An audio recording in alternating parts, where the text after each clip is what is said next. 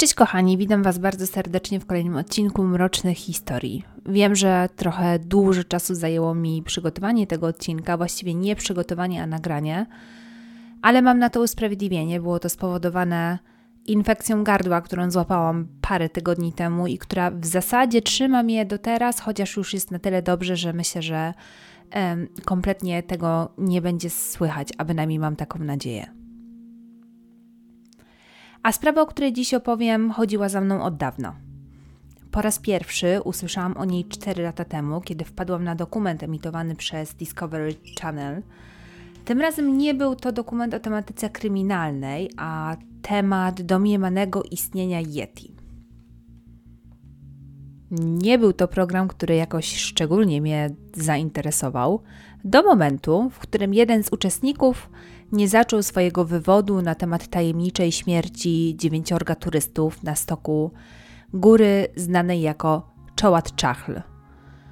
Oczywiście mam świadomość tego, że większość z Was jest z tą sprawą zaznajomiona, dlatego, mimo że uważam ją za jedną z najbardziej, e, brzydko to zabrzmi, ale powiedzmy kultowych spraw, długo nie mogłam się zdecydować na jej opracowanie i umieszczenie na tym kanale. Dodatkowo jest to absolutnie tak rozległy temat, który obrósł w taką ilość legend, że naprawdę nie jest łatwo, pomimo ogromnej ilości materiałów dostępnych, a może właśnie przez to, że tak duża ilość jest dostępna, w każdym razie nie jest łatwo złożyć to w jedną całość, tak żeby miało to jakiś logiczny wydźwięk.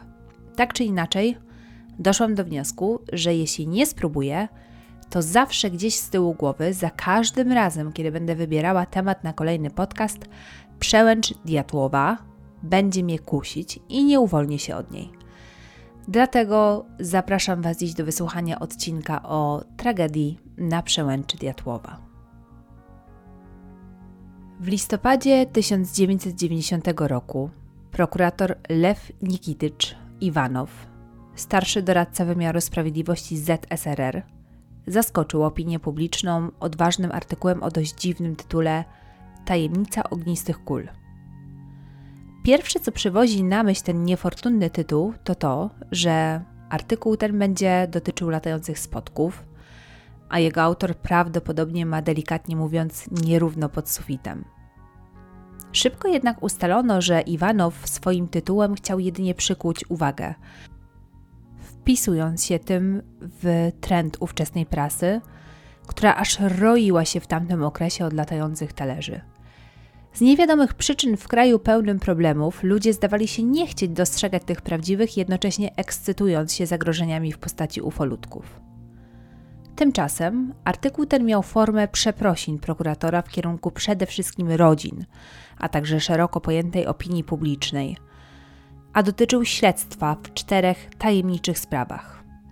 Jedną z nich była śmierć młodych turystów pod przewodnictwem Igora Diatłowa na niewysokiej Uralskiej Górze, która współcześnie jest jedną z najbardziej tajemniczych spraw z ubiegłego stulecia. Artykuł ten wywołał falę spekulacji, teorii spiskowych i licznych publikacji na temat tragicznej w skutkach wyprawy. Co więc przytrafiło się młodym ludziom w 1959 roku na północnym Uralu?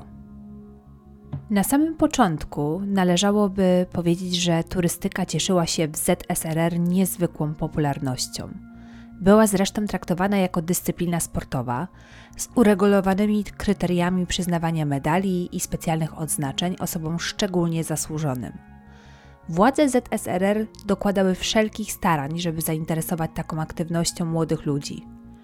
Młodzież w latach 50. XX wieku na terenie Związku Radzieckiego miała bardzo ograniczone możliwości rozrywki. Telewizory znajdowały się tylko w najbogatszych domach, kina, teatry były bardzo drogie, nie wspominając już o ograniczeniach związanych z repertuarem. Partia komunistyczna obawiała się pozostawienia młodzieży samej sobie. Dlatego zainteresowanie studentów turystyką uznano za remedium idealne.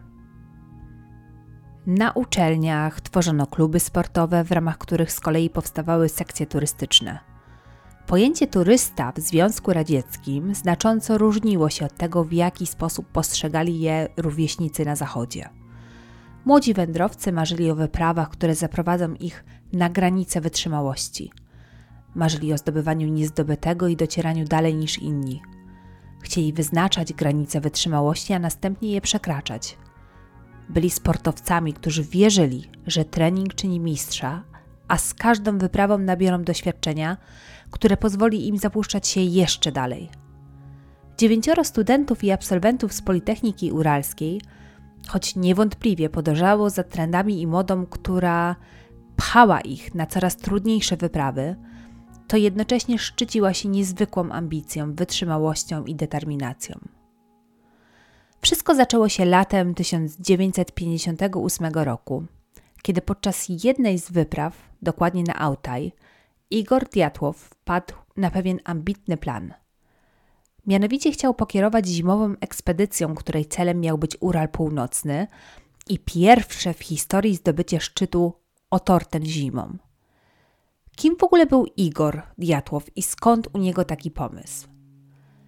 Igor urodził się 13 stycznia 1936 roku i był studentem piątego roku Wydziału Radiotechnicznego Politechniki Uralskiej. Ten niezwykle inteligentny i ambitny młody człowiek miał dwa wielkie marzenia. Pierwsze dotyczyło kariery naukowej, ponieważ Igor uczył się wprost świetnie. Z większości przedmiotów uzyskiwał najwyższe oceny. Pragnął pozostać na uczelni jako pracownik naukowy. Drugie marzenie to było uzyskanie prestiżowego tytułu mistrza sportu ZSRR w turystyce, a wyprawa na Otorten spełniała wszystkie potrzebne wymogi. Igor znany był na uczelni ze swojej ambicji, doskonałej orientacji w terenie, świetnego zorganizowania i wytrzymałości. Na czwartym roku studiów zdobył wszystkie potrzebne uprawnienia, aby kierować wyprawami o najwyższym stopniu trudności. W sekcji turystycznej krążyły o nim różne opinie. Jedni zachwalali jego znajomość gór i wysoko cenili jako kierownika wypraw. Inni wręcz się go bali, ponieważ Igor był jako kierownik niezwykle stanowczy. Nie znosił sprzeciwu, miał bardzo wygórowane wymagania wobec swojej ekipy, potrafił krzyczeć, przeklinać, wyzywać. Mówiono wręcz o nim, że jako kierownik Igor zmienia się w tyrana. Miał jednak i drugą, łagodniejszą stronę. Góry były niewątpliwie jego pasją, o której potrafił godzinami cudownie opowiadać, dzielić się doświadczeniami i radami. Do tego bezpieczeństwo ekipy, która była pod jego przewodnictwem, było dla Igora priorytetem. Między innymi z tego powodu Igor nie miał żadnego problemu ze zorganizowaniem ekipy na swoją wymarzoną wyprawę na Otorten. Już podczas pierwszych rozmów na Autaj ten śmiały pomysł przypadł do gustu innym doświadczonym turystom, którzy od razu zadeklarowali chęć dołączenia do jego ekipy. Nikolaj Fibon Brignolet, Rustem Słobodin, Juri Kriwoniszczenko i Juri Judin. Wszyscy zdawali sobie sprawę z tego, że to bardzo niebezpieczny teren, szczególnie zimą, chociaż wzniesienia są stosunkowo niewysokie, to największym wezwaniem może okazać się aura, zaśnieżona tajga oraz uchodzący za bardzo zamknięty w sobie naród rdzennych mieszkańców Mancich, do których zresztą jeszcze wrócimy. Niezależnie od Igora, zimowe zdobycie Otorten planowała inna studentka spełniająca wymogi kierownika ekspedycji Ludmiła Dubinina. Ludmiła Dobrze znała Ural Północny, ponieważ rok temu kierowała udaną wyprawą na grzbiet Chistop. Kiedy jednak zorientowała się, że Igor planuje udać się w to samo miejsce, postanowiła dołączyć do jego ekipy. Kto więc ostatecznie zgłosił się do tej wyprawy? No i kim pokrótce były te osoby?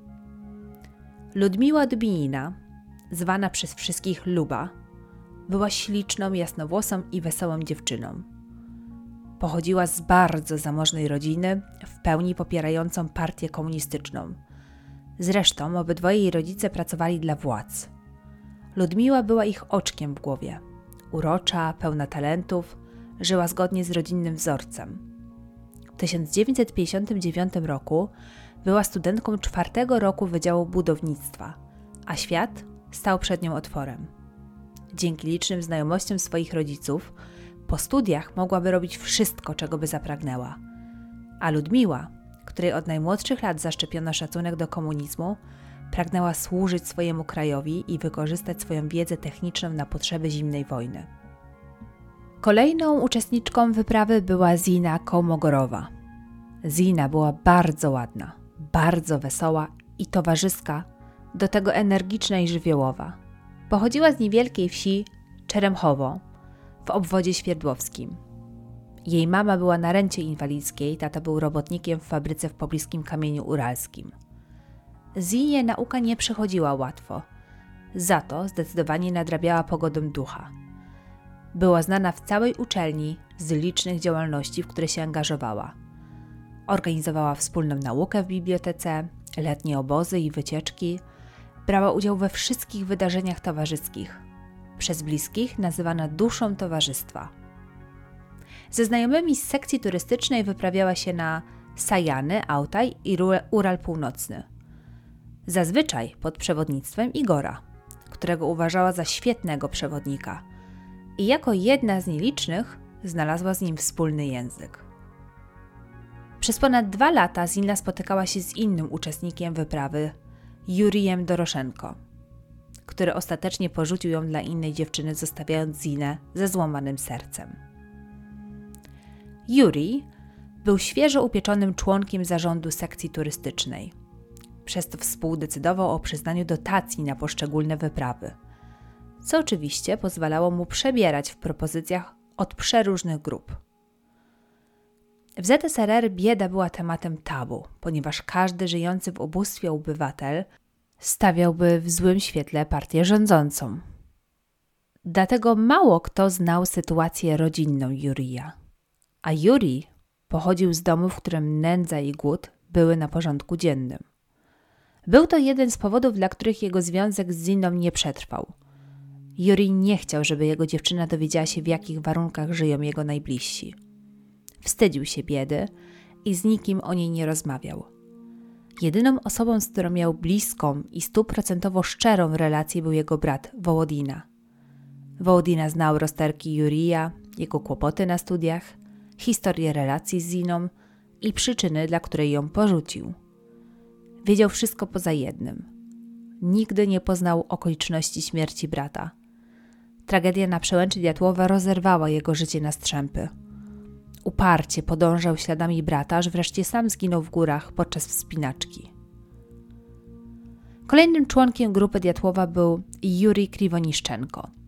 Był synem bardzo wpływowego człowieka, inżyniera w stopniu generała, który pracował jako dyrektor elektrowni. Juri w roku 1959 był już absolwentem Wydziału Budownictwa Politechniki Uralskiej – i pracował w zakładzie atomowym Majak na stanowisku inżyniera. Ta informacja okaże się jeszcze istotna. Yuri był bardzo lubiany i towarzyski. Jego dom stanowił istne centrum rozrywki studentów Politechniki. Urządzano w nim liczne przyjęcia, biesiady i spotkania towarzyskie. O mały włos nie wziąłby udziału w wyprawie na Otorten, ponieważ w elektrowni, w której pracował, doszło do strasznego w skutkach wybuchu – który zresztą był trzymany przez władze w ścisłej tajemnicy, co również w dalszej części naszej historii okaże się istotne.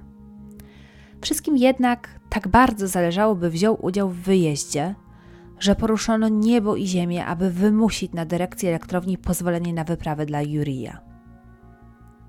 Ostatecznie pismo z uczelni informujące, że wyjazd ten jest w celu uczczenia 21 zjazdu partii pomógł i Jurij dostał przepustkę. Paradoksalnie zginął dlatego, że był lubiany. Następnym uczestnikiem był Aleksander Kolewatow. Urodził się 16 listopada 1934 roku. Był studentem czwartego roku Wydziału Fizyczno-Technicznego. Aleksander był wybitnie inteligentny, bardzo ambitny i charyzmatyczny. Wychowywał się w rodzinie przywiązującej bardzo dużą wagę do edukacji. Studia realizował w trybie indywidualnym, jednocześnie pracując jako laborant w Moskiewskim Instytucie 3394. Doczekał się nawet zaszczytnego miana wschodniego mózgu zimnej wojny, cokolwiek ten tytuł miał oznaczać. Z ciekawostek, miejsce pracy Aleksandra było drugim najbardziej pilnie strzeżonym miejscem w ZSRR, zaraz po Krymlu. Aleksander był bardzo przystojny, do tego skryty i tajemniczy, co jak magnes przyciągało do niego kobiety, które bezskutecznie starały się zwrócić jego uwagę. Koledzy natomiast byli najzwyczajniej zazdrośni i nazywali go psem ogrodnika, żartując jednocześnie, że Aleksander poprzysiągł dozgonną miłość podręcznikom do fizyki. Ciekawą postacią jest kolejny członek grupy, Fibon Brignolet Nikolaj. Podobnie jak Juri Kriwoniszczenko, był absolwentem Politechniki zatrudnionym w zakładzie atomowym Majak. Rodzina Nikolaja pochodziła z Francji. Jego pradziadek był cenionym w Europie rzeźbiarzem, architektem i wynalazcą. Podobnie jak jego syn i dziadek Nikolaja, który nawet zaprojektował oranżerię w carskim ogrodzie botanicznym. W tamtym czasie rodzina wiodła życie jak z bajki. Bywali na salonach, przyjaźnili się z rosyjską arystokracją, pili szampana, raczyli się kawiorem i innymi rarytasami zarezerwowanymi tylko dla klasy wyższej. Oczywiście do czasu rewolucji i przejęcia władzy przez bolszewików. Nikołaj z wiadomych powodów zataił historię swojego rodu, wyjaśniając swoje nazwisko tym, że jest synem francuskiego komunisty, który ukochał Stalina do tego stopnia, że przekroczył żelazną kurtynę i zamieszkał w ZSRR. Prawdopodobnie, gdyby dokopano się do tego, skąd naprawdę wywodzi się Nikolaj, nigdy nie miałby szans na zrobienie jakiejkolwiek kariery.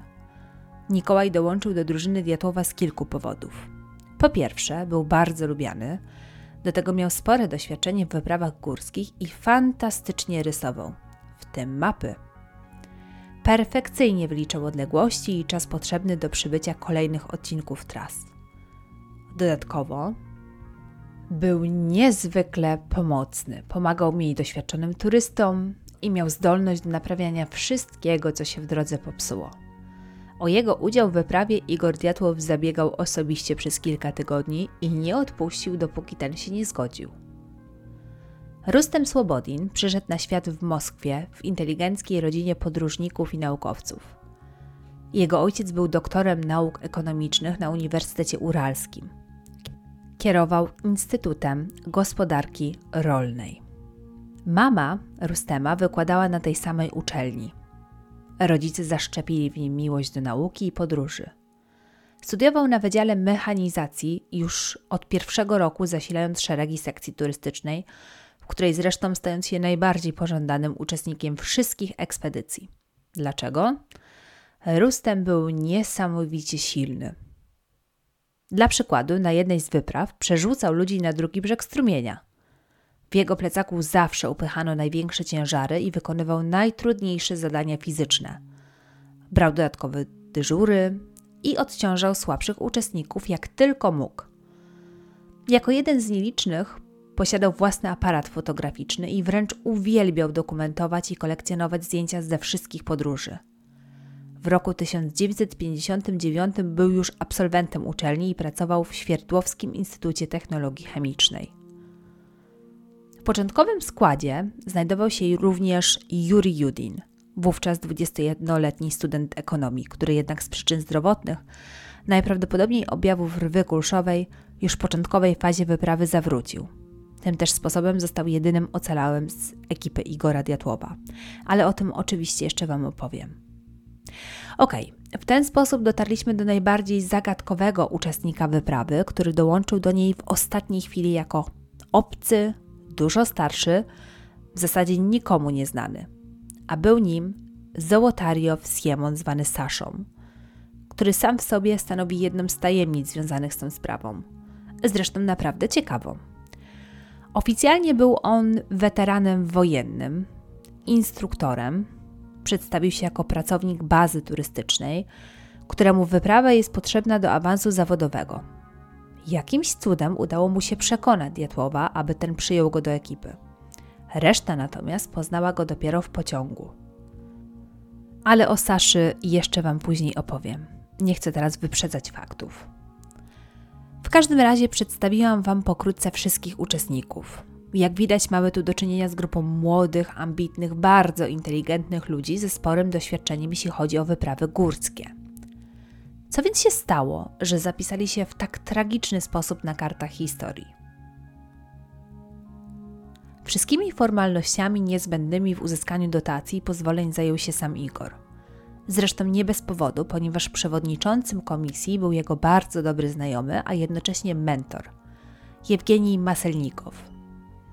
Na początku roku Igor uporał się ze wszystkimi formalnościami i 8 stycznia 1959 roku projekt wyprawy na Otorten został zatwierdzony, pomimo pewnych braków dokumentacji, takich jak szczegółowy plan trasy wraz z mapą. Ta formalna akceptacja przyspieszyła przygotowania. Studenci wnieśli składkę w wysokości 250 rubli, a Politechnika dofinansowała ich wyprawę kwotą 1100 rubli. Skarbnikiem została Luda. Skompletowano apteczkę, zrobiono zakupy spożywcze, z uczelni wypożyczono namioty, kołdry i inne niezbędne, pewnie jak na tamte czasy, przedmioty. Swoją drogą, każdy współczesny alpinista albo zwykły wędrowiec górski czy turysta przeżegnałby się trzy razy, gdyby zobaczył wyposażenie z tamtego okresu. Ale studenci byli przyzwyczajeni radzić sobie z tym, co mieli. 23 stycznia przed południem ekipa zakończyła pakowanie plecaków. Zrobiono resztę niezbędnych sprawunków i w wesołych nastrojach wybrali się na dworzec kolejowy w Stwierdłowsku. Na dworcu zebrały się aż trzy ekipy podróżujące na Ural. Ekipa Igora podróżowała wspólnie z uczestnikami wyprawy pod kierownictwem Jurija Blinowa. Zmierzano do Sierowa, miasta położonego u podnóża Uralu. Atmosfera w pociągu była fantastyczna. Studenci byli niezwykle podekscytowani wyjazdem. Nie mogli się doczekać tego, co przyniesie im nadchodzące kilka dni. Tej nocy dyżur pełniła Zina, która pilnowała rzeczy śpiących kolegów. W swoim dzienniku napisała: Ciekawe, co nas czeka na tej wyprawie. Co się wydarzy nowego? Dziś chłopcy złożyli uroczystą przysięgę, że do powrotu nie będą palić papierosów. Czy wystarczy im silnej woli? Wszyscy już położyli się spać. Z okien widać uralską tajgę. 24 stycznia wczesnym rankiem ekspedycje Diatłowa i Blinowa dotarły na miejsce. Hałaśliwa grupa młodych ludzi z plecakami zwróciła uwagę lokalnej milicji, która postanowiła nie wpuszczać ich na dworzec. Tymczasem następny pociąg do miasta Iwdel, który miał być ich kolejnym przystankiem, odjeżdżał dopiero o 18.30. Ekipy nie bardzo wiedziały, co ze sobą począć. Zwiedzanie okolicy z ciężkim bagażem nie wchodziło raczej w grę. Postanowili więc rozłożyć się z plecakami na chodniku przed dworcem. Zastanawiali się nad śniadaniem w jadłodajni, czemu gwałtownie sprzeciwiła się Luda, która sprawowała funkcję skarbnika – z tego powodu doszło nawet do sprzeczki między Ludą a kolegami. Napiętą atmosferę rozładował Jurik Iwoniszczenko, który wpadł na pomysł, jak zarobić na upragnione śniadanie w jadłodajni. Postanowił wejść na teren dworca pomimo zakazu milicji, gdzie zaczął udawać żebraka. Śpiewał, wyciągał w stronę pasażerów zgudniętą z głowy czapkę. Ludzie nawet zaczęli rzucać mu drobne. Oczywiście do czasu, kiedy na dworzec nie wrócili milicjanci, którzy zatrzymali Jurija pod zarzutem oszustwa oraz złamania regulaminu dworca. Po długich wyjaśnieniach i licznych prośbach Juri został wypuszczony i ostatecznie ukarany jedynie upomnieniem. Można więc powiedzieć, że pierwszą przygodę zaliczono. Wydaje mi się, że jest to również przykład tego, w jakich wyluzowanych nastrojach podróżowali studenci. Nie brakowało im poczucia humoru, niewątpliwie chcieli czerpać z wyjazdu pełnymi garściami. Po całym zamieszaniu turyści udali się do pobliskiej szkoły podstawowej. Nie wiem, czy było to zaplanowane, czy wcześniej wiedzieli, że do tej szkoły pójdą, czy byli umówieni. Bardziej wydaje mi się, że była to spontaniczna decyzja podyktowana nadmiarem wolnego czasu. Natomiast zostali tam przyjęci bardzo ciepło. Zapewniano im ciepłą wodę do mycia, i wszystko, co mogło pomóc w przygotowaniu do kolejnego odcinka trasy.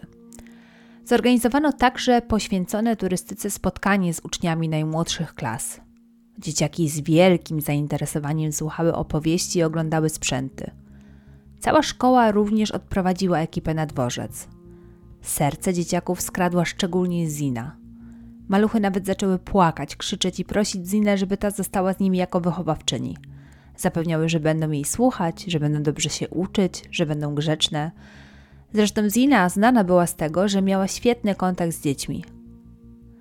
Także można było tę wizytę w szkole uznać za naprawdę udaną. Studenci obiecali również, że w drodze powrotnej zajadą jeszcze raz do szkoły i opowiedzą dzieciom, jak przebiegła ich wyprawa. Niestety, stało się tak, jak się stało. Nie mieli możliwości spełnić swojej obietnicy. Co ciekawe, w pociągu nastąpiło kolejne spotkanie z milicją. Tym razem powodem interwencji była awantura wywołana przez jednego z nietrzeźwych pasażerów, który oskarżył ekipę, zresztą niesłusznie, o kradzież butelki wódki. Milicjanci przeszukali torby studentów i okazało się oczywiście, że zarzuty były bezpodstawne. Jak tylko sytuacja się uspokoiła, studenci wrócili do zabawy. Rozśmieszali współpasażerów, śpiewali piosenki, wygłupiali się, dyskutowali o miłości i o pocałunkach. Przekrzykiwali się, bo każdy miał inne zdanie. Do stacji końcowej, mianowicie miejscowości Ifdel, pociąg dotarł około północy. Z ciekawostek, od lat 40. miejsce to budziło grozę. To właśnie tutaj przywożono więźniów góralskich łagrów. Znajdowała się tam ogromna poczekalnia, w której po wyjściu z pociągu transportującego formowano więźniów w szeregi, wśród krzyków i ujadających psów. A w pobliskim łagrze, do którego ich kierowano, wielu więźniów ginęło od mrozu bicia i nieludzkiego traktowania. Propaganda głosiła, że osadzeni byli głównie kryminalistami skazanymi za zabójstwa. Tymczasem faktycznie większość z tych ludzi stanowiła więźniów politycznych. Turyści jednak zdawali się nie przejmować tymi skojarzeniami. Z nadmiaru wolnej przestrzeni rozbili namioty w dworcowej poczekalni i udali się na spoczynek. Tym razem dyżur pełniła luda. Wczesnym rankiem o 5.30 dwie ekipy z nartami i plecakami wsiadły do malutkiego busa przeznaczonego do lokalnych przewozów i udały się w kierunku wsi Wiżaj. Tam też nastąpiło rozstanie z drugą grupą Jurija Blinowa, która udała się na zachód. Ludmiła nawet zapisała w swoim pamiętniku. Pożegnaliśmy ich ze łzami w oczach. Humory mamy popsute. I te popsute humory musiały zostać z nimi aż do kolacji, na której miało dojść do jakiejś niewielkiej sprzeczki. Natomiast żaden z dzienników nie wyjaśnił przyczyny tej sprzeczki. W ramach rozejmu wszyscy oprócz Aleksandra Kolewatora i Jurina Doreszenki udali się do kina, gdzie oglądali Złotą Symfonię. Nocleg natomiast spędzili w hotelu, a właściwie hostelu, czy nawet schronisku, ponieważ warunki były iście spartańskie. Z braku wystarczającej liczby łóżek Aleksander i Juri spali na podłodze. Pozostali spali po dwie osoby. Poza tym było niesamowicie zimno. Nie wiem, czy nie było tam ogrzewania, czy były może nieszczelne okna. W każdym razie Aleksander żartował nawet, że pierwszy zimny nocleg mają już za sobą. Kolejnego dnia, 26 stycznia, po zimnym śniadaniu w hotelowej stołówce, na który składał się trochę to dziwne śniadanie, ale składał się gulasz domowej roboty i zimna herbata. Ten posiłek był powodem do żartów. Tym razem Igor śmiał się, że powinni zjeść na zewnątrz. Może wtedy będzie wydawało się cieplejsze. Tak czy inaczej, przy temperaturze minus 17 stopni, czyli naprawdę dużym mrozie, o godzinie 13 ekipa opuściła wieść na niezadaszonej naczepie ciężarówki. Podróż trwała 3 godziny. Wszyscy po prostu przemarzli do kości. Luda zanotowała nawet w pamiętniku. Próbowaliśmy śpiewać i rozmawiać, ale było strasznie zimno. Krajobraz niezbyt interesujący i jedziemy przez spalony las. Po tych trzech godzinach podróży w spartańskich warunkach dotarli do osady robotniczej zwanej przez leśników 41 odcinkiem. W tamtym czasie osadę tę głównie zamieszkiwali drwale i geolodzy pracujący przy wyrębie tajki. Natomiast dawniej mieścił się tam jeden z podobozów tego pobliskiego łagru, o którym Wam wcześniej opowiadałam. Turystów przyjęto bardzo gościnnie. Do świtu wspólnie z mieszkańcami osady oglądali filmy z projektora, śpiewali, grali na gitarze, rozmawiali, dyskutowali na różne tematy. Opowiadali o swoich przygodach, o tym, co planują, jakie mają oczekiwania wobec tej wyprawy. Wszyscy położyli się spać naprawdę późno. Po tak nieprzespanej nocy drwale nawet zdecydowali się nie iść do pracy. Woleli umilać gościom czas. Grom na gitarze i śpiewaniem. Tego samego dnia Yuri Judin poinformował ekipę o tym, że zaczyna odczuwać pierwsze symptomy nawracającej rwy kulszowej. W związku z tym zdecydował się zakończyć podróż i wrócić do domu. Jego decyzję przyjęto z ogromnym smutkiem, natomiast nikt nie miał do niego pretensji. Zrozumiałe było to, że chory kolega mógłby sobie nie dać rady w dalszej części podróży, a na kolejnych etapach ciężko byłoby w razie potrzeby udzielić mu jakiejkolwiek pomocy. Tego dnia planowano udanie się do niewielkiego opuszczonego osiedla zwanego przez leśników drugim północnym. Po likwidacji podobozu w tym miejscu zamieszkała i pracowała ekspedycja geologiczna, która w 1952 roku porzuciła badania, pozostawiając na miejscu wszystkie maszyny, specjalistyczny sprzęt oraz sterty wydobytych materiałów. Judin przed powrotem do domu bardzo chciał zobaczyć to miejsce, żeby zebrać próbki dla znajomego docenta z Wydziału Geologicznego. Dlatego postanowiono poprosić życzliwych drwali o kolejną przysługę. Kierownik nadleśnictwa wypożyczył im wóz i konia, który miał zawieźć ich do drugiego północnego.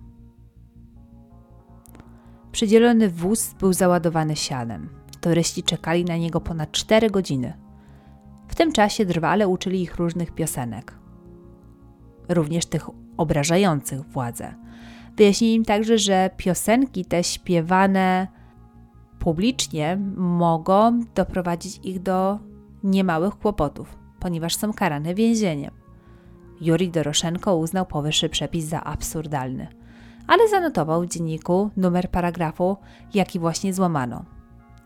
Drwale powiedzieli Igorowi, że na drugim północnym znajduje się tylko jedna chata nadająca się na nocleg i objaśnił, gdzie dokładnie można ją znaleźć. Turyści wyruszyli około 16. Uznano, że na wozie zostaną umieszczone jedynie bagaże. Sami zdecydowali się jechać na nartach. Na miejsce przybyli jako pierwsi, pozostawiając woźnicę daleko w tyle. Zapadła noc. Było naprawdę zimno. Z trudem zlokalizowano chatę, o której wspominał drwal. Chata była bardzo zniszczona, ale udało się rozpalić ogień używając starych desek. Pracowali po ciemku. Kilka osób pokaleczyło sobie dłonie gwoźdźmi. Do trzeciej nad ranem rozmawiali przede wszystkim o tym, jak bardzo zasmuciła ich decyzja o rozstaniu z Judinem. Jednocześnie próbowali rozładować atmosferę śpiewami piosenek, których uczyli ich drwale, graniem na mandolinie, żartowaniem. Produkty z plecaka Judina rozłożone i podzielone między pozostałych. To oczywiście w znaczący sposób zwiększyło ciężar pojedynczego bagażu. Okazało się wtedy, że każda osoba będzie miała bagaż, który waży niebagatela aż 40 kg. Rustemowi został przydzielony zrolowany namiot. Jak wspomniałam Wam na początku, był on uważany za najsilniejszego. Zina zanotowała tego dnia w swoim pamiętniku. Mój plecak jest strasznie ciężki. Judim się z nami żegna. Znowu miał atak rwy kulszowej i musi wrócić. Wielka szkoda. Już nie mogę się doczekać, kiedy wreszcie pójdziemy na szlak na narty. Kolejnego ranka, 28 stycznia, Judin z pomocą kolegów zebrał wszystkie próbki materiałów, na których tak bardzo mu zależało. Luda na pożegnanie podarowała mu pluszowego misia. Swój, jak twierdziła, amulet szczęścia, którego zabierała na każdą wyprawę. Około 12 nastąpiło rozstanie. Judin pojechał saniami na dworzec, skąd udał się do domu – Natomiast reszta ekipy w końcu udała się na wyczekany szlak. Igor jeszcze przed wyjazdem podjął decyzję o tym, że ekipa będzie poruszała się wzdłuż rzek. Powodem tej decyzji były spore trudności z otrzymaniem map. Okazało się, że teren Uralu Północnego jest pilnie strzeżony, a jego dokładne mapy objęte tajemnicą państwową. Na tym etapie mieli poruszać się brzegiem rzeki Łośwa. Pierwszy dzień w zimowej tańdze przyniósł im niestety kilka nieprzyjemnych niespodzianek. Okazało się, że grubość śniegu jest znacznie większa niż się spodziewano. To naprawdę utrudniało jazdę na nartach. Marsz w śniegu po kolana był naprawdę wyczerpujący fizycznie. Do tego studenci mieli bardzo ciężkie plecaki i nieporęczne ładunki, a temperatura tego dnia sięgała minus 17 stopni. Igor wpadł na pomysł, aby poruszać się gęsiego, po śladach pierwszej osoby torującej szlak na nartach. Co 10 minut następowała zmiana na szpicy. Niestety, miejscami śnieg był mokry i oblepiający, co z kolei wymagało częstych postojów i zeskrobania go z nart. Po ponad pięciu godzinach wyczerpującego marszu byli już tak bardzo zmęczeni i wyziębieni, że postanowili zatrzymać się na nocleg. Rozstawienie namiotu na brzegu rzeki okazało się naprawdę skomplikowane, szczególnie z powodu wysokich zasp. Na szczęście po licznych perypetiach udało się ostatecznie rozbić obóz, przyrządzić ciepłą kolację, zebrać drwa i rozpalić upragnione ognisko. Wtedy niestety nastąpiła druga nieprzyjemna niespodzianka. Mianowicie okazało się, że skonstruowany przez Igora i jego ojca mały piecyk, który zabrał ze sobą, aby w nocy móc wysuszyć ubrania, buty oraz oczywiście, żeby się rozgrzać, przetestowany zaledwie w warunkach domowych kompletnie odmiennych od realiów zimnej tajgi, nie działał tak, jak się spodziewano. W oddalonej od ognia części nie dało się spać bez kurtek. Natomiast z piecyka bochał tak niesamowity żar, że w jego pobliżu nie sposób było wytrzymać. Z prześcieradła i kołdry zrobiono prowizoryczną przegrodę, która miała podzielić namiot na dwie części. Jedna z piecykiem i jedna sypialniana. Efekt był jednak dokładnie taki sam. Obok piecyka spać się nie dało. Dalej było po prostu zimno.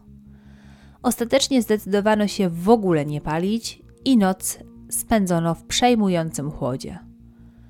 Ważne jest to, że w tamtych czasach nie było folii izolujących, szczelnych śpiworów czy karimat.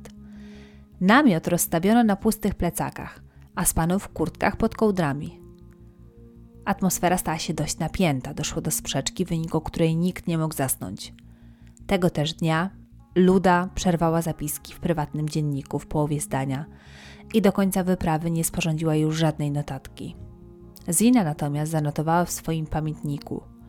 Igor przez cały wieczór zachowywał się strasznie niegrzecznie. Po prostu go nie poznaje. 29 stycznia ekipa Diatłowa nadal poruszała się trasą wytyczoną przez korytarz rzeki Łośwy. Po drodze zauważyli ślady nart mancyjskich myśliwych, rdzennych mieszkańców Uralu Północnego oraz wycięte na nich znaki na korze drzew. Turystom wydawały się one bardzo tajemnicze. Zrobiono kilka fotografii. Oczywiście w wielu teoriach spiskowych dotyczących wyprawy będą te znaki w wszelaki sposób interpretowane. Prawda jest jednak taka, że większość manców w tamtych czasach nie potrafiła ani czytać, ani pisać. Znaki te były więc niczym innym jak symbolami zdobyczy oraz uproszczonym zapisem dat. Tego dnia warunki pogodowe były bardzo korzystne. Mróz tak bardzo nie dokuczał, wiał delikatny wiatr, opady śniegu również zelżały. Obóz rozbito przy brzegu kolejnej rzeki Auspi. Tego dnia zapiski w dzienniku Ziny głównie dotyczyły jej byłego chłopaka Jurija. Zina szykowała z nim chrust na opał. Z jej wywodów można było wywnioskować, że nadal nie pogodziła się z rozstaniem. Natomiast po raz kolejny się zawiodła. Jurij nie zdeklarował chęci naprawienia relacji, a Zina w dzienniczku nazwała go lekko duchem. Tak czy inaczej, tego dnia wieczór przyniósł zasłużony wypoczynek i przyjemną atmosferę. Wieczorem rozpalili ognisko, żartowali, śpiewali piosenki. Około północy, nie rozpalając w kłopotliwym piecyku, wszyscy udali się spać. 30 stycznia warunki pogodowe znów uległy pogorszeniu. Wiał silny południowo-zachodni wiatr. Do tego wystąpiły gwałtowne opady śniegu. Przez cały dzień ekipa trzymała się blisko rzeki Auspi. Wędrowali zarówno po zamarzniętej rzece, jak i po śladach myśliwych. Mansowie wydawali się im coraz bardziej intrygujący. Dużo o nich rozmawiali, dyskutowali na temat znalezionych na drzewach symboli. Zorganizowano nawet opuszczone przez nich obozowisko. Tego dnia lód na rzece okazał się miejscami zbyt zwalisty, a miejscami zbyt kruchy. Igor postanowił porzucić pierwotny plan i kontynuować wędrówkę przez las. Ta trasa okazała się dużo trudniejsza. W niektórych miejscach grubość pokrywy śnieżnej wynosiła aż 120 cm. Wieczorem byli absolutnie wyczerpani. Tradycyjnie rozpalono ognisko. Noc była wyjątkowo mroźna, a piecek nadal sprawiał kłopoty. Nikołaj i Juri Kriwoniszczenko, chcąc wykorzystać swoje inżynierskie talenty, próbowali naprawić urządzenie. Niestety bezskutecznie. Ostatecznie kolejną noc spędzono bez ogrzewania. 31 stycznia pogoda popsuła się jeszcze bardziej. Silny zachodni wiatr zrywał gałęzie. Sypał gęsty śnieg, który bardzo utrudniał marsz. Grupa próbowała nadal poruszać się śladami mansyjskich myśliwych. Widoczność jednak była bardzo ograniczona. Czuli się jakby błądzili po omacku. Od godziny 10 do pierwszej przybyli zaledwie 2 kilometry. Wtedy zdecydowano się zmienić dotychczasową technikę. Ustalono, że drogę będzie torować osoba bez ciężkiego plecaka, która po kilku minutach wzmożonego wysiłku powróci po swój bagaż i po krótkim odpoczynku dogoni grupę. Metoda ta okazała się dość skuteczna, choć bardzo wyczerpująca fizycznie. Po południu wyprawa oddaliła się od rzeki Auspi i wyszła poza granice lasu. Tego dnia postanowiono również postawić szałas, w którym zostaną schowane zbędne w dalszej części trasy rzeczy oraz zapasy na drogę powrotną. Usilnie próbowali znaleźć miejsce, niestety koryto rzeki i gęsto zarośnięte tereny kompletnie się do tego nie nadawały. Co gorsza, wyjście poza las było jednoznaczne z utratą ochrony przed wiatrem, a wicher był naprawdę przenikliwy. Miało się wrażenie, że zupełnie z czystego nieba sypie śnieg, ale to właśnie wiatr rozdmuchiwał zaspy i rozsypywał płatki dookoła. Około 16 wyczerpani turyści zdecydowali się zakończyć marsz i rozbić obóz. W tym celu skierowali się na południe w kierunku Doliny Auspi, gdzie mieli ochronę przed podmuchami. Niestety, ponownie rozpadał się śnieg, a grubość zasp w dolinie sięgnęła blisko dwóch metrów. Jesteśmy wyczerpani i wykończeni. Zabieramy się do szykowania noclegu.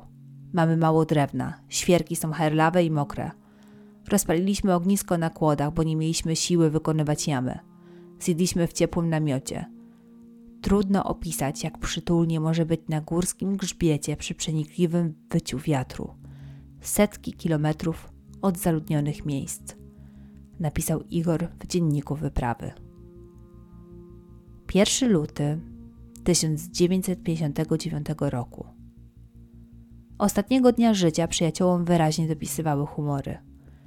Tego dnia zrobili aż 8 fotografii. Wesołe ujęcia okazują roześmianych studentów.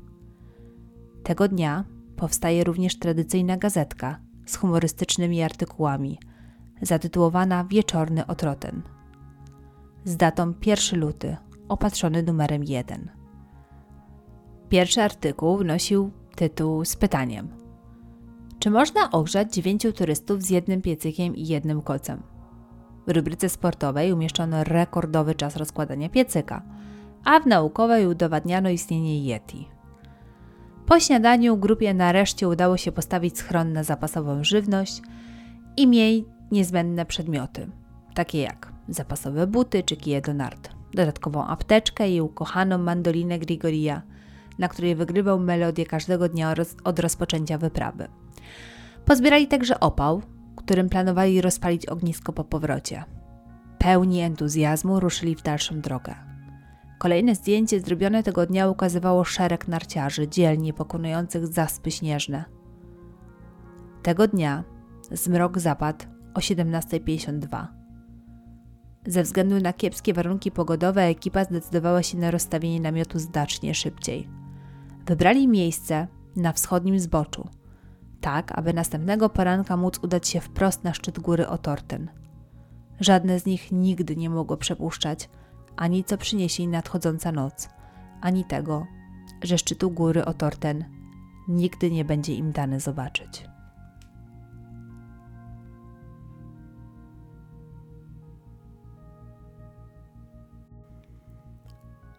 Zgodnie z harmonogramem wyprawy, na 12 lutego przypadał tzw. Tak termin kontrolny. Tego dnia grupa Diatłowa powinna dotrzeć w drodze powrotnej do wsi Wiżaj i z lokalnej poczty wysłać telegram informujący o powodzeniu wyprawy. Wszyscy zdawali sobie sprawę z tego, że wcześniejszy kontakt byłby niemożliwy ze względu na to, jak bardzo tereny północnego Uralu odcięte są od świata zewnętrznego. 15 lutego turyści planowo powinni powrócić do Świerdłowska. Nie wrócili. Tymczasem do Świerdłowska powrócili inni studenci Politechniki, którzy także spędzali ferie zimowe na Uralu Północnym. Opowiadali, że na początku lutego w rejonie Otortenu zaobserwowali światełka na niebie. Założyli, że to fajerwerki wystrzelone przez grupę Diatłowa po zdobyciu szczytu. Choć nikt nie sprawdził tej informacji, uznano ją za prawdziwą. Sekcja turystyczna na tym etapie była pewna, że wyprawa zakończyła się sukcesem. Rodziny turystów czuły jednak, że coś jest nie w porządku. Zarówno rodzice Ludmiły, Dupininy, jak i Rustema Słobodina bezskutecznie wydzwaniali do komisji tras turystycznych. Siostra Igora Diatłowa osobiście zjawiła się na uczelni, żądając natychmiastowego podjęcia poszukiwań. Nikt jednak nie podzielał jej obaw. Przerażenie kobiety uznano za zbędną histerię. Uspokajano ją, mówiąc, że ekipa ta składa się z najlepszych turystów, nie ma obaw. Nic im nie będzie. 18 lutego na uczelnię dotarł telegram nadany przez grupę Blinowa. Tę, która w początkowej fazie podróży towarzyszyła diatłowcom. Telegram ten informował o znacznym opóźnieniu wywołanym przez niekorzystne warunki pogodowe i silną zamieć. Niestety, w wyniku kolejnego zaniedbania nie sprawdzono, kto jest nadawcą telegramu i błędnie uznano, że jest nim Igor Diatłow. Zanim ujawniono pomyłkę, Politechnika zdążyła uspokoić bliskich, przekazując im nieprawdziwą informację. 19 lutego, tydzień po upływie terminu kontrolnego, zaczęto podejmować bardziej stanowcze kroki. Tego dnia uczelnia powołała studentów wolontariuszy, którzy zaczęli pełnić całodobowy dyżur telefoniczny z nadzieją, że Igor Diatłow zadzwoni z trasy, tłumacząc powód tak znacznego opóźnienia. W tym czasie siostra Aleksandra Kolawetowa, tego samego, który pracował w tajnym instytucie w Moskwie, postanowiła wziąć sprawy w swoje ręce – i o zaginięciu brata powiadomić jego pracodawcę. Wiadomość tę przyjęto z najwyższą powagą. W końcu Aleksander miał dostęp do ściśle tajnych dokumentów. Jego zaginięcie jest więc sprawą wagi państwowej. Podobne niepokoje dało się odczuć również w zakładach atomowych Majak. Jednoczesne zaginięcie dwóch pracowników było wydarzeniem bez precedensu. Zakłady pracy zaginionych turystów wszelkimi sposobami próbowały ustalić okoliczności ich zniknięcia. Inna motywacja przyświecała sekcji turystycznej Politechniki Uralskiej. Niewątpliwie martwiono się tam o życie i zdrowie podopiecznych, natomiast szybko stało się jasne, że w dokumentacji brakuje wielu formalnych pozwoleń. Sekcja mogła więc zostać pociągnięta do konsekwencji w związku z nieprzestrzeganiem procedur bezpieczeństwa. Wówczas pojawiła się pierwsza znacząca przeszkoda. Okazało się, że sekcja nie dysponuje tak zwaną książeczką marszu, inaczej mówiąc dokładnie, trasa, którą mieli poruszać się diadłowcy, była nikomu nieznana. Tymczasem rodziny przyjaciół coraz mocniej naciskały na rozpoczęcie poszukiwań. Stało się jasne, że bez dokładnej trasy, bez informacji o jakimkolwiek miejscu pobytu, od rozstania z Juridem, Judinem, ekipę poszukiwawczą czeka żmudne przeszukiwanie tysiąca hektarów zaśnieżonej tajgi. Sekcja turystyczna rozpoczęła planowanie akcji poszukiwawczej. Brak dróg na Uralu Północnym oraz głęboki śnieg znacznie utrudniały rozpoczęcie poszukiwań. O pomoc poproszono wojsko. i tylko i wyłącznie dzięki znajomościom udało się uzyskać zgodę na organizację lotu wojskowej przestrzeni powietrznej. I tak 20 lutego część ekipy znalazła się na miejscu. Jednocześnie do sekcji turystycznej zaczęli zgłaszać się ochotnicy deklarujący chęć pomocy. Tak też 22 lutego zostały sformułowane trzy grupy poszukiwawcze, które jeszcze tego samego dnia wyruszyły na Ural Północny z nadzieją na odnalezienie przyjaciół żywych. W poszukiwania włączyła się także grupa mansów, na czele której stanął sam szaman Kurikow, który znał tamte tereny jak własną kieszeń. 23 lutego udało się zlokalizować ślady nart, prawdopodobnie grupy Diatłowa. Ślad jednak szybko zgubiono, prawdopodobnie z powodu intensywnych opadów śniegu. Kolejne kilka dni spędzono na bezowocnym przeczesywaniu ogromnych terenów. Prace te utrudniały niekorzystne warunki pogodowe. Zamiecie, mgły, gęste opady śniegu, do tego siarczysty mróz, który nie ustępował nawet na moment. Rankiem 26 lutego Borys Łopcow, kierownik jednej z grup ratowniczych, towarzyszący mu student Politechniki Michał Szarabin oraz leśnik Iwan Paszyn, około 15 na stoku góry oznaczonej numerem 1079 dostrzegł w śniegu dużą, ciemną plamę, którą rozpoznał jako namiot turystów. Początkową radość zastąpił ogromny niepokój. Cała scena wydawała się przedziwna. Wejście do namiotu było zasznurowane, a ściana od strony zbocza rozcięta w dwóch miejscach. Z powstałej dziury wystawało jasne prześcieradło. Dookoła panowała upiorna cisza. Ani śladu turystów. Na miejsce wezwano śledczych i prokuratora. Kolejnego dnia członkowie ekipy poszukiwawczej ponownie obejrzeli namiot. Był rozstawiony na północno-wschodnim zboczu góry 1079, około 300 metrów od jej wierzchołka. Rozbito go na równym fragmencie zbocza i ubitym uprzednio śniegu. Dodatkowo utwardzonym nartami ułożonymi płozami do góry. Sposób rozbicia namiotu został bardzo wysoko oceniony – z oględzin wynikało, że turyści spali lub planowali spać w poprzek namiotu, skierowani głową w stronę rozciętej ściany. Znaleziono w niej 10 małych, wykłutych otworów o średnicy nie większej niż 3 cm. Kołdry leżały równo na dnie namiotu. W piecyku nie napalono. Nie przygotowano drwa. Kurtka wisiała przy wejściu. Pozostałe, rozłożone płasko, pełniły funkcję materaców, pod posłaniami. Znaleziono również podstawowe produkty spożywcze w wiadrze postawionym blisko zasznurowanego wejścia. W tym miejscu leżały również siekiera i dwie piły.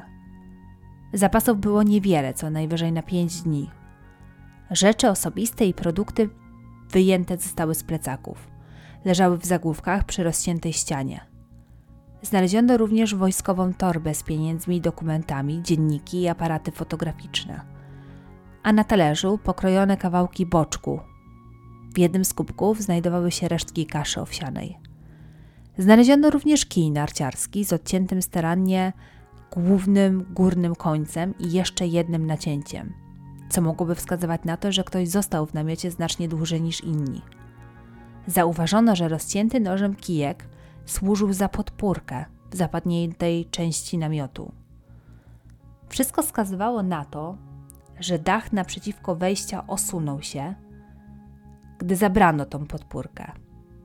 Od namiotu w dół zbocza w kierunku ściany pobliskiego lasu biegły ślady stóp. Prokurator oszacował, że pozostawiło je 8 lub 9 osób wywierających na podłoże podobny nacisk. Na tej podstawie wywnioskowano, że Wszyscy turyści najprawdopodobniej szli samodzielnie. Ślady wskazywały, że grupa opuściła namiot w panice. Najpierw ktoś rozciął ściany nożem, zamiast rozsznurować wejście. Wykonano dokładnie dwa nacięcia, by szybciej wydostać się na zewnątrz. Następnie uczestnicy wyprawy biegli, rzucili się po prostu w dół zbocza, ale około 30 metrów dalej rozpoczęli powolne, metodyczne schodzenie – Nie tracili się z pola widzenia, współpracowali przy pokonywaniu warstw lodu i kamieni. Opuszczenie namiotu w mroźną, śnieżną noc bez butów i puchowych kurtek było jednoznaczne z wyrokiem śmierci. Nic więc dziwnego, że ten powolny, skoordynowany marsz w niedorzecznym kierunku przeraził ekipę, która w tym momencie straciła już resztki nadziei na odnalezienie turystów żywych. Główne pytanie brzmiało, dlaczego w ogóle poszli w kierunku lasu? Dlaczego nie wrócili do namiotu po buty i ubrania? Jeżeli nawet coś ich wystraszyło do tego stopnia, że w popłochu wybiegli z namiotu, po pokonaniu 30 metrów najwyraźniej ochłonęli. W takim przypadku powinni zawrócić jak najszybciej, naprawić rozciętą ścianę i schronić się przed mrozem. Co sprawiło, że po minucie panicznego biegu grupa postanowiła pójść spacerowym krokiem w dół zbocza. Wiele osób, które brało udział w poszukiwaniach, bardzo dobrze znało grupę Diatłowa. Pamiętali, że Doroszenka miał nerwy ze stali. Nigdy w życiu nie wpadł w panikę. Wszyscy wyróżniali się ponadprzeciętną inteligencją. Do tego mieli ogromną zdolność orientacji w terenie, nerwy ze stali i zdolność radzenia sobie w ekstremalnych sytuacjach. I wszyscy znali zasady zachowania bezpieczeństwa w górach. Tymczasem to irracjonalne zachowanie wydawało się zupełnie do nich niepodobne. 27 lutego w godzinach porannych dwóch studentów biorących udział w poszukiwaniach zjechało na nartach w dół zbocza równolegle do linii śladów, szukając miejsca odpowiedniego na nowy obóz dla ratowników. Pod najwyższym w okolicy drzewem, ogromnym rozłożystym cedrem syberyjskim, zauważono resztki niewielkiego ogniska, lekko przysypane przez śnieg. Nieopodal leżała częściowo spalona gałąź, nadpalona zielona skarpetka i koszula kowbojska, w kieszeni której znajdowały się pieniądze. W pobliżu znaleziono również ułamane gałęzie i przygotowany chrust. Wszystko wskazywało na to, że do ognia przestano dokładać mimo zgromadzonego sporego zapasu opału. Obok ogniska, pod cedrem, bardzo blisko siebie, leżały zwłoki dwóch mężczyzn bez wierzchniej odzieży. Były to ciała Kliwoniszczenki i Doroszenki. Kliwoniszczenko leżał na plecach. Miał na sobie koszulę w kratę i poszarpane kalesony. Jego prawa stopa była bosa. Na lewej znajdowała się porwana skarpeta. Obok niego, na brzuchu, twarzą do ziemi leżał Doroszenka. Juri miał na sobie jedynie koszulę w kratę, dwie pary skarpetek i podarte kalesony. Nie miał ani butów, ani kurtki, ani żadnej ciepłej odzieży. Ratowników zszokowało nie tyle lekkie ubranie odnalezionych, zupełnie nieadekwatne do zimy i mrozu, ale także nietypowy kolor skóry mężczyzn pomarańczowo-brązowy. Zauważyli też, że twarz Doroszenki pokryta jest wydzieliną z gardła i nosa, natomiast Kliwo Niszczenko miał rozległe poparzenia na nodze. Wszystko wskazywało na to, że wykonali ogromną pracę, żeby rozpalić i utrzymać ogień. Z pobliskich drzew odłamano praktycznie wszystkie niższe gałęzie. Na korze cedru znaleziono strzępki podartych ubrań i ślady krwi. Pod zwłokami doroszenki znajdowało się kilka gałęzi, które prawdopodobnie planował dołożyć do ogniska. Poszukiwacze obecni na miejscu tragedii byli zgodni, że praca wykonana pod cedrem wymagała zaangażowania większej grupy niż tylko dwóch mężczyzn, których ciała odnaleziono przy drzewie. Zdaniem śledczych, ognisko rozpalone pod cedrem płonęło co najwyżej godzinę. Wnioskowano to z niewielkiej ilości popiołu. Zgasło, ponieważ nikt nie dokładał chrustu. Po odnalezieniu dwóch pierwszych ciał Pozbawieni nadziei ratownicy skoncentrowali się na poszukiwaniach zwłok pozostałych ofiar. Wkrótce, 100 metrów od cedru, mancyjski tropiciel zlokalizował ciało Igora Diatłowa, lekko przysypane śniegiem. Igor leżał na plecach z nogami lekko zgiętymi w kolanach i dłońmi przyciśniętymi do klatki piersiowej. Był ubrany w futrzaną kurtkę, pod nią sweter i kolorową koszulę w kratę. Na nogach spodnie narciarskie, pod nimi kalesony, na prawej nodze wełniana skarpeta, na lewej bawełniana. Nie miał na sobie butów. Przy pierwszych oględzinach nie stwierdzono żadnych fizycznych obrażeń. Na twarzy i pod brodą miał warstwę lodu. Ułożenie ciała wskazywało, że Igor najprawdopodobniej kierował się w stronę namiotu. Zdaniem śledczych obecność lodu na jego twarzy świadczyła o tym, że przed śmiercią leżał na brzuchu, z twarzą w śniegu, który roztopił swoim oddechem. Na miejsce sprowadzono ekipę z psami tropiącymi. Tego samego dnia psy znalazły ciało Ziny. Jej ułożenie wskazywało, że próbowała dotrzeć do namiotu. Zabrakło jej około 300 metrów. Ciało znajdowało się pod warstwą śniegu, na odkrytej części zbocza. Zina była ubrana najcieplej z dotychczas odnalezionych ofiar. Miała kurtkę narciarską, koszulę w kratę, wełnianą czapkę, spodnie narciarskie, rajtuzy i wełniane skarpetki. Leżała głową w stronę namiotu, na prawym boku, twarzą do ziemi. Ręce miała ugięte i ułożone nad ciałem. Obie nogi miała zgięte w pół, prawą przyciśniętą do brzucha. Całą twarz miała we krwi, co sprawiało wrażenie, jakby przed śmiercią się czołgała. 5 marca na linii pomiędzy miejscem znalezienia zwłok Igora i Ziny zlokalizowało ciało Rustema. Miał duże sińce na twarzy i kostkach dłoni oraz ślady obfitego krwotoku z nosa. Kolejne dni skoncentrowane na poszukiwaniach pozostałej czwórki nie przyniosły żadnych rezultatów, choć na tym etapie nikt już się nie łudził, a rodziny wszystkich turystów zaczęły opłakiwać swoich bliskich. Badania ciał wykazały, że wszystkie pięć osób zmarło z powodu hipotermii. Zamarzło na śmierć. Rusty miał lekko pękniętą czaszkę, jednak zdaniem anatoma patologów nie było to obrażenie zagrażające jego życiu, chociaż mogło spowodować utratę przytomności. Poszukiwania pozostałych czterech ciał trwały w międzyczasie. Rodziny pozostałej piątki toczyły batalie z partią odnośnie pochówku swoich bliskich. Władze ZSRR naciskały, aby studentów pochować na Uralu, a sam pogrzeb zorganizować w kameralnym gronie – Nikt nie chciał się na to zgodzić. W końcu uczyli się, pracowali, żyli, mieli przyjaciół w Świerdłowie. Pod naciskiem najbliższych ostatecznie pogrzeby odbyły się właśnie tam. Wzięła w nim udział masa ludzi. Każdy chciał pożegnać turystów, których wyprawa zakończyła się w tak tragiczny, a jednocześnie tajemniczy sposób. Wśród żałobników bez problemu można było dostrzec masę agentów KGB. Nikomu nie uszło to uwagą. I choć w tamtym czasie oficjalnie śledztwo nadal trwało, obecność służb nasiliła tylko plotki podejrzenia, że śmierć diatłowców była czymś więcej niż tylko wypadkiem. Poszukiwania pozostałych osób trwały ponad dwa miesiące i odnaleziono je dopiero w maju pod grubą warstwą śniegu w wąwozie, ponad 70 metrów od ogniska. Przy powierzchownych oględzinach nie stwierdzono żadnych obrażeń. Sensacją stały się jednak wyniki badań ciał. Okazało się, że u trójki osób wewnętrzne obrażenia oznaczały definitywną śmierć na miejscu. Nikołaj miał rozbitą czaszkę. Dubinina miała złamanych 10 żeber. Jeden odłamek żebra przebił jej serce.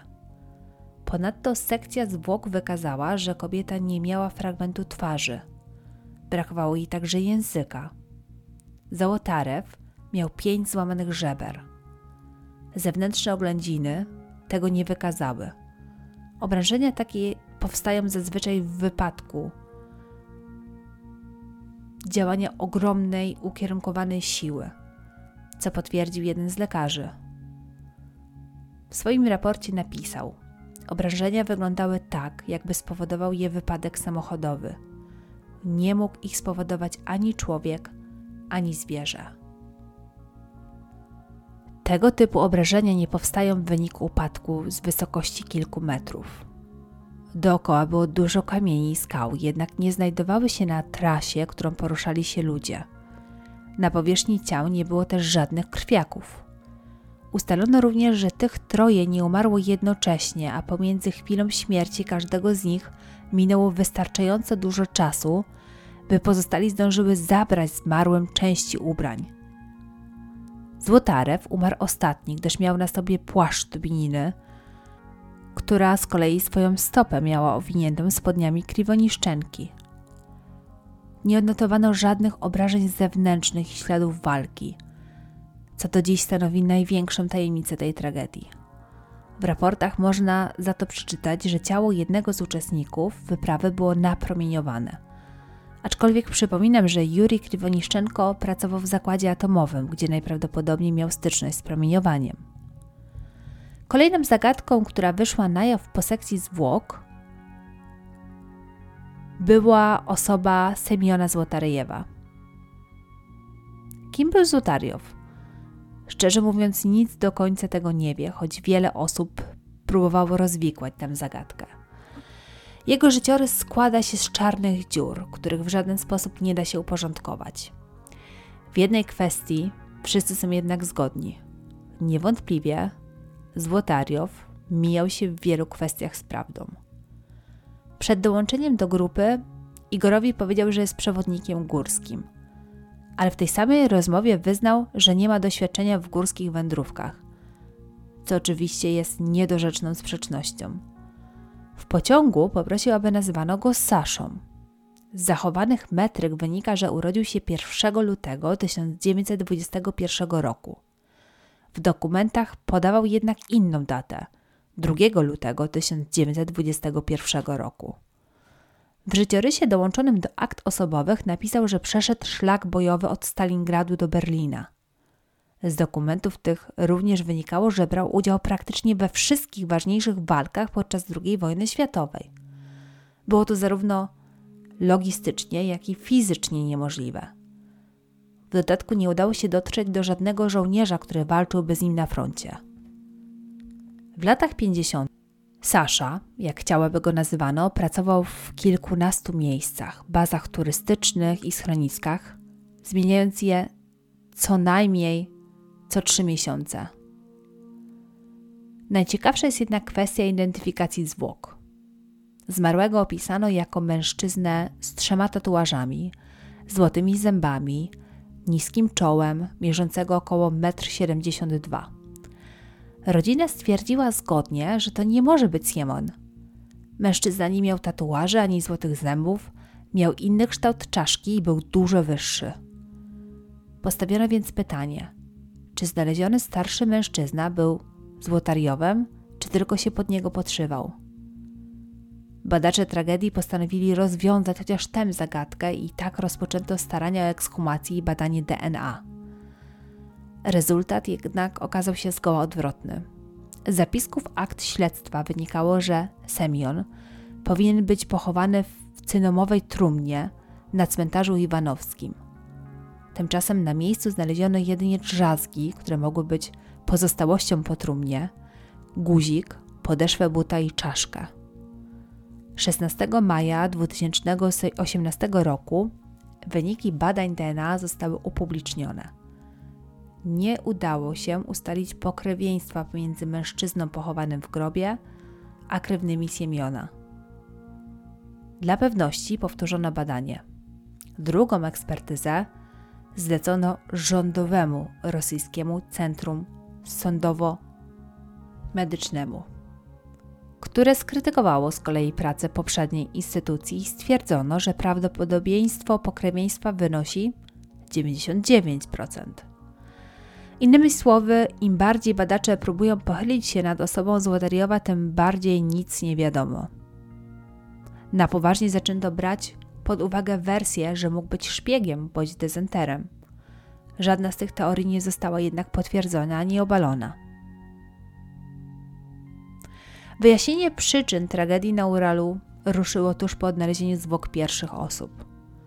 Rozpoczęte w lutym 1959 roku śledztwo kryminalne prowadzone było chaotycznie i pod dużym naciskiem władz. Zaczęto od spekulacji na temat nietrzeźwości uczestników.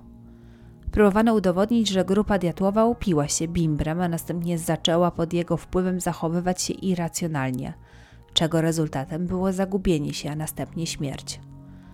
Ta teoria nie miała jednak żadnego sensu ani poparcia w dowodach, zwłaszcza, że w krwi ofiar nie odnaleziono ani śladu alkoholu. Następnie chciano zrzucić winę za zamordowanie studentów na Mandzów. Prowadzący śledztwo prokurator został zaproszony na spotkanie z miejscowym pierwszym sekretarzem Prodanowem, który przekonywał, że grupa Diatłowa weszła na świętą dla miejscowych górę, na której nie mogą przebywać kobiety. To miało doprowadzić do zemsty tubylców. Hipotezę o napaści Mandzów szybko obaliły zeznania miejscowych, którzy twierdzili, że są oni przyjaźni, a zbocze, gdzie znaleziono zwłoki turystów, nie było miejscem kultu. Pomimo to na polecenie partii aresztowano kilku Mandzów.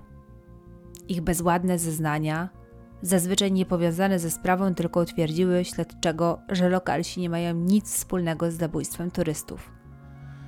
W dodatku ze zleconej ekspertyzy wynikało jednocześnie, że namiot grupy Diatłowa przecięto od wewnątrz. Oznaczało to, że turyści nie zostali napadnięci. Znaleziono również ślady należące do 8 lub 9 osób, czyli tyle, ile liczyła grupa. Nigdzie nie było dowodów na to, że ktoś poza nimi miałby przebywać na miejscu tragedii. Ostatecznie po pół roku śledztwa Zamknięto je, a w raporcie napisano, że przyczyną śmierci turystów była nieznana, potężna siła. Jak możecie się domyślić, tylko nasiliło to spekulacje i teorie spiskowe. A fakt, że teren zamknięto dla turystów na kolejne lata, a akta sprawy utajniono na 50 lat, sprawiły, że tropiciele tajemnic niemal obsesyjnie próbowali rozwikłać zagadkę, snując coraz to nowsze teorie. Co mogło przytrafić się Igorowi i reszcie jego przyjaciół? Spróbuję przedstawić Wam najbardziej prawdopodobne hipotezy. Pozwólcie, że tym razem pominę kwestii zjawisk paranormalnych, UFO lub Yeti. W tym wypadku wydaje mi się, że są mało prawdopodobne. O atakach Mandzów już Wam wspomniałam.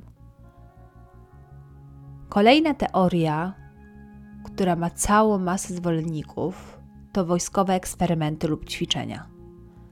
Wspomniałam Wam już wcześniej, że z członkowie innej ekspedycji, przebywającej w tamtym czasie 50 km na południe od Przełęczy, opowiadali o dziwnych pomarańczowych kulach, jakie widzieli na niebie na północ od swojej pozycji, które początkowo wzięli za fajerwerki wystrzelone przez grupę Igora.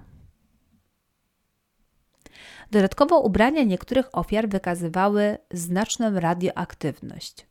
Twierdzono również, że ciała miały nietypowy pomarańczowy odcień skóry, a w rejonie Hołat Czachl znaleziono sporo części jakiegoś tajemniczego urządzenia.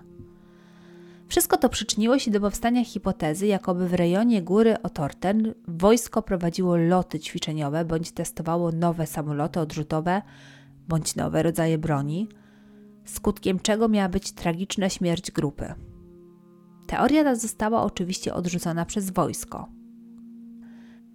Twierdzono, że północny Ural leży przecież w głębi terytorium ZSRR i w jego pobliżu nie było żadnych baz lotniczych, a najbliższa znajdowała się w pobliżu Świerdłowska, ponad 600 km od miejsca tragedii.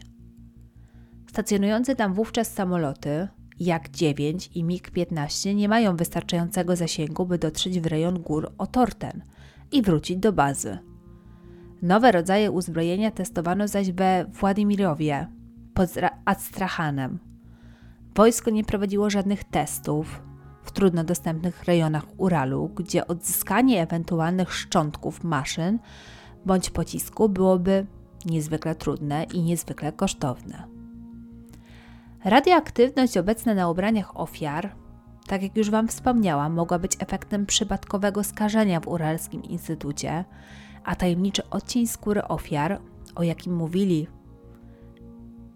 członkowie ich rodzin i członkowie ekspedycji, mogły być efektem oparzenia słonecznego lub zmian pośmiertnych.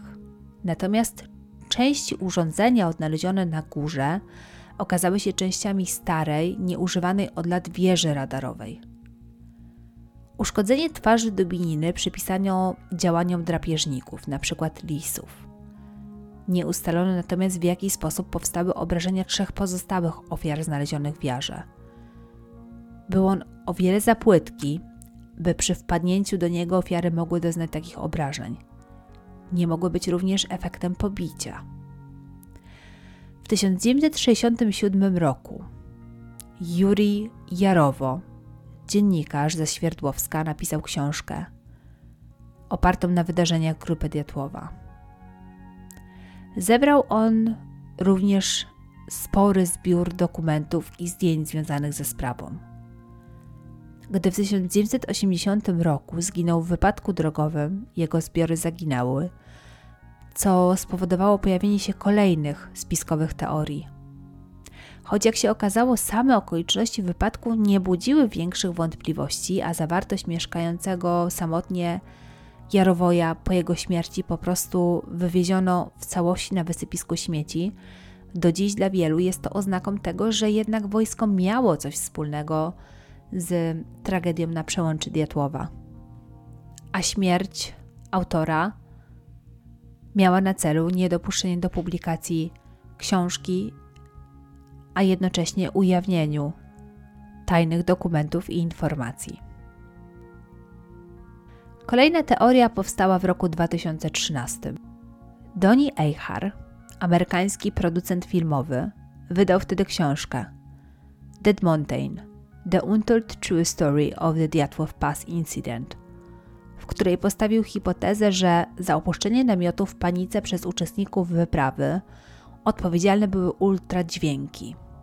Generowane miały być one przez wiatr i ukształtowanie terenu, które stworzyło ścieżkę wirową, która zadziałała na diotłowców tak dotkliwie, że nie mogli wytrzymać w pobliżu namiotu. Wykluczył on jednocześnie zarówno działanie wojska, jak i wszelkie zjawiska paranormalne. Kolejną prawdopodobną hipotezą była lawina. Jeden z uczestników i głównych kierujących akcją ratowniczą w 1959 roku Axelrold, jednocześnie doświadczony turysta i alpinista, od razu dostrzegł w urazach trójki najbardziej poszkodowanych turystów typowe obrażenia dla ofiar lawin. Jego hipoteza nie została jednak szerzej przyjęta, ponieważ nie tłumaczyła porzucenia sprzętu i śladów radiacji na odzieży. Dodatkowo w miejscu tragedii nie znaleziono żadnych śladów, które świadczyłyby o zejściu lawiny. Poza tym Igor Diatłow, jako doświadczony turysta górski, rozbił obóz w bezpiecznym miejscu, osłoniętym do tego o bardzo małym nachyleniu. Zakładając nawet zejście lawiny, dlaczego studenci nie wrócili do namiotu po ustaniu hałasu, następnie kierując się w głąb lasu, a nie do obozu? To było niewątpliwie zasadnicze pytanie. Jednak to na podstawie właśnie tej wersji wysnuto według mnie najbardziej prawdopodobną teorię. Jej autorem jest w głównej mierze Jewgenijow Bujanowicz, mistrz sportu w turystyce z klubu alpinistów. Przez kilkanaście lat badał on sprawę śmierci młodych turystów, a na podstawie tych badań powstało mnóstwo artykułów i książek. Co więc według Bujanowa zaszło tej mroźnej, lutowej nocy 1959 roku. Otóż według niego 1 lutego w miejscu noclegu turystom udało się zbudować w końcu schron i postawić 55-kilogramowy depozyt na drogę powrotną.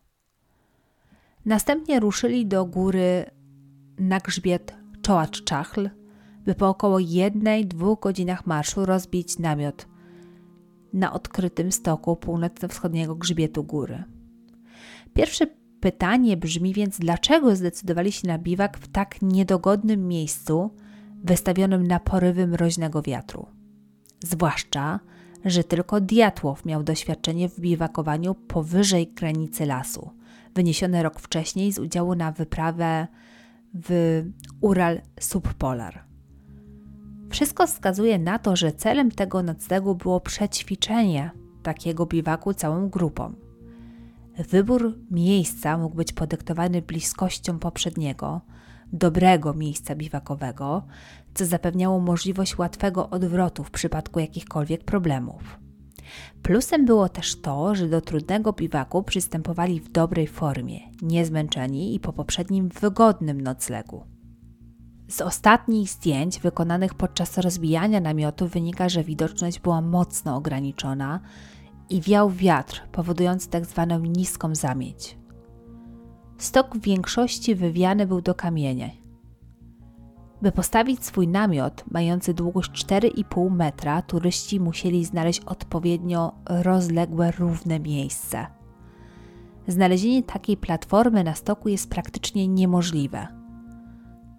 Przypuszczalnie po znalezieniu mniej więcej równego miejsca turyści wykonali platformę, wkopując się w śnieg przy czym w tylnej części znacznie głębiej, na głębokość około 1 metra.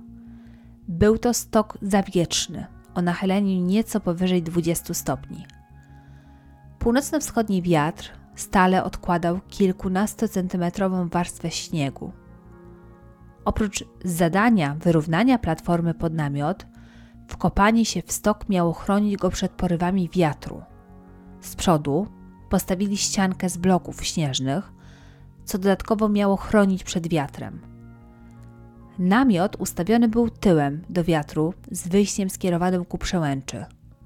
Na platformie ułożyli narty wiązaniami w dół, a na nie postawili namiot. Dno namiotu wyścielili waciakami i plecakami, a na to rozłożyli dwa koce. Od góry przykryli się kocami i kurtkami położyli się głowami od stoku z butami koło nóg. Dwie osoby przedniej części spały głowami do stoku. Przy wyjściu znajdowały się piła, trzy siekiery i piec załadowany przyniesionym z doliny drewnem, co świadczy o tym, że biwak powyżej granicy lasu został z góry zaplanowany. Tej nocy jednak pieca nie rozpalali. Niestety, Wykopując namiot tak głęboko, turyści podcięli stok śnieżny. Najpierw usuwając warstwę tak zwanego gipsu, a następnie znajdującego się pod nim luźnego śniegu. Gips często powstaje na powierzchni pokrywy śnieżnej na odkrytych stokach gór. Powstaje z puchu, który stopniowo utwardza się pod wpływem działania sił wiatru i niskiej temperatury. Można go nazwać zbitą skorupą która często jest wyrzeźbiona przez wiatr w bruzdy i fale. Co istotne, przy nagłym ochłodzeniu bardzo często pod warstwą tego gipsu tworzą się puste przestrzenie, a od spodu na skutek parowania i rekrystalizacji tworzy się szron z warstewką lodu, a w ogromnym stopniu zmniejszającym tarcie i przyczepność. W efekcie połać zbitego gipsu może się ześlizgiwać po swoim własnym zarodzonym spodzie. Takie zjawisko nazywa się deską śnieżną. Rozmiar takiej lawiny w postaci deski śnieżnej może być bardzo różny w, w zależności od warunków nachylenia. Na stromych stokach może porwać ze sobą inne warstwy śniegu, tworząc potężne lawiny. Tak czy inaczej, podcięcie takiego stoku powoduje zawiśnięcie tej deski śnieżnej. Wróćmy teraz do nocy z 1 na 2 lutego.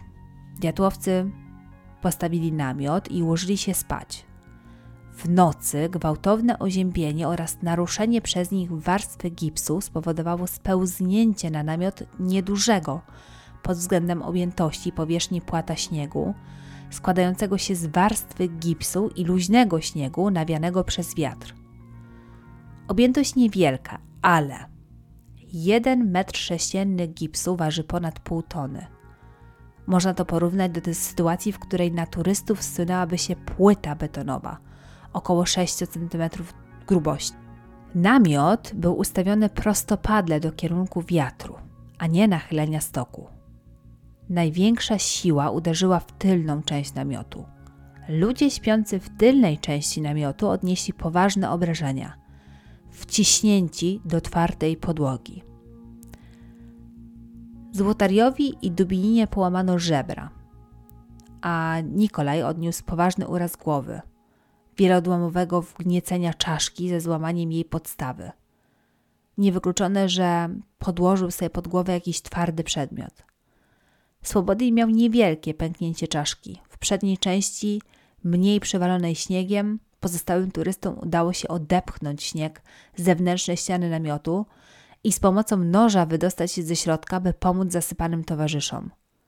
Cała reszta ich działania, skierowanie się w stronę lasu, być może licząc na to, że uda im się zejść tamtędy do miejsca, w którym poprzedniego dnia zostawili zapasy, rozpalenie ogniska, a następnie, być może kiedy zorientowali się, że nie są w stanie przy 30-stopniowym mrozie odnaleźć drogi do zostawionego schronu, dramatyczna próba powrotu do namiotu przez nieposzkodowanych w wyniku lawiny.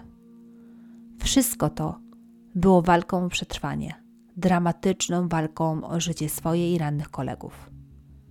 Dlaczego ratownicy nie zauważyli śladów po lawinie? Jak uważa Bujanow, wcale ich nie szukali, przekonani, że stok był bezpieczny. Natomiast przez 25 dni śnieg i wiatr zatarł te ślady, a pozrywanie odciągów i inne ślady, które można by zauważyć i wytłumaczyć tym, że uderzyła w namiot lawina, a dokładnie ta deska śnieżna, wytłumaczono działaniem wiatrów. Były jednak przesłanki, które mogły dać wskazówki ratownikom.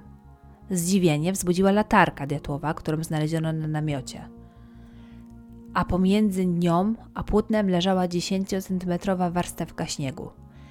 Gdyby namiot został rozcięty i opuszczony przez turystów bez udziału lawiny, coś takiego nie powinno mieć miejsca. Nie powinno być śniegu pomiędzy latarką a namiotem. Tłumaczyć to można tylko sytuacją, w której latarka została upuszczona na śnieg leżący już na namiocie. Ponadto w środku namiotu było mało śniegu, co nie miałoby miejsca, gdyby namiot po rozcięciu został tak pozostawiony. Do środka wiatr namiotłby śniegu, a przy tym do reszty go podarł. Inaczej mówiąc, śnieg z lawiny, który leżał na namiocie, blokował śnieg, który do tego namiotu powinien się nasypać. Nie jest to teoria, która znalazła największe grono zwolenników. Tragedia na przełęczy Diatłowa nadal traktowana jest jako jedna z największych zagadek. Tymczasem, jak widzicie, jej rozwiązanie mogło leżeć na wyciągnięcie ręki. Jak zawsze na koniec każdego odcinka zastanawiam się, jakie są Wasze teorie na ten temat. Ja autentycznie najbardziej składam się chyba ku tej teorii deski śnieżnej, zwłaszcza, że przeczytałam o niej nie tylko w paru artykułach, ale również w jednej z książek, którą dorwałam. E, I powiem Wam szczerze, że choć lubię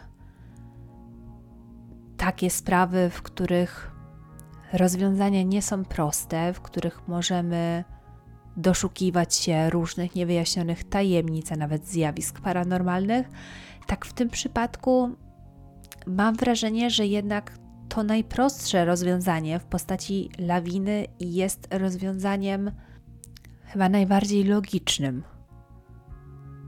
No bo co innego? Wojsko, UFO, Yeti, może halucynacje jakieś zbiorowe może wy macie jeszcze e, jakąś teorię, o której kiedyś przeczytaliście, albo o której słyszeliście, albo która zrodziła się w waszych głowach.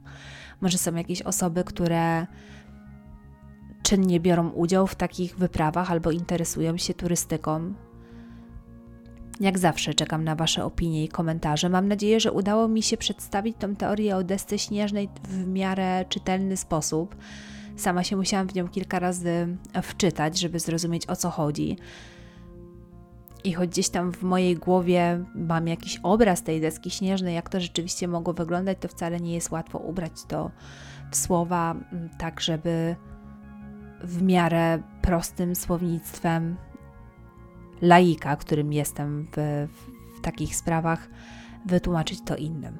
No co przytrafiło się tym dziewięciorgu młodych ludzi, silnych, zdrowych ludzi na tym mroźnym, śnieżnym pustkowiu? Komentujcie, piszcie.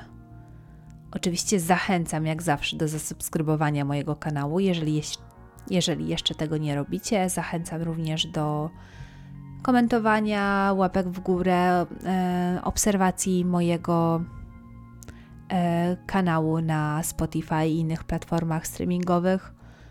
Na koniec pozdrawiam Was bardzo, bardzo serdecznie i mam nadzieję, że słyszymy się już wkrótce, że nie będzie to znowu trzy tygodnie, tak jak ostatnio.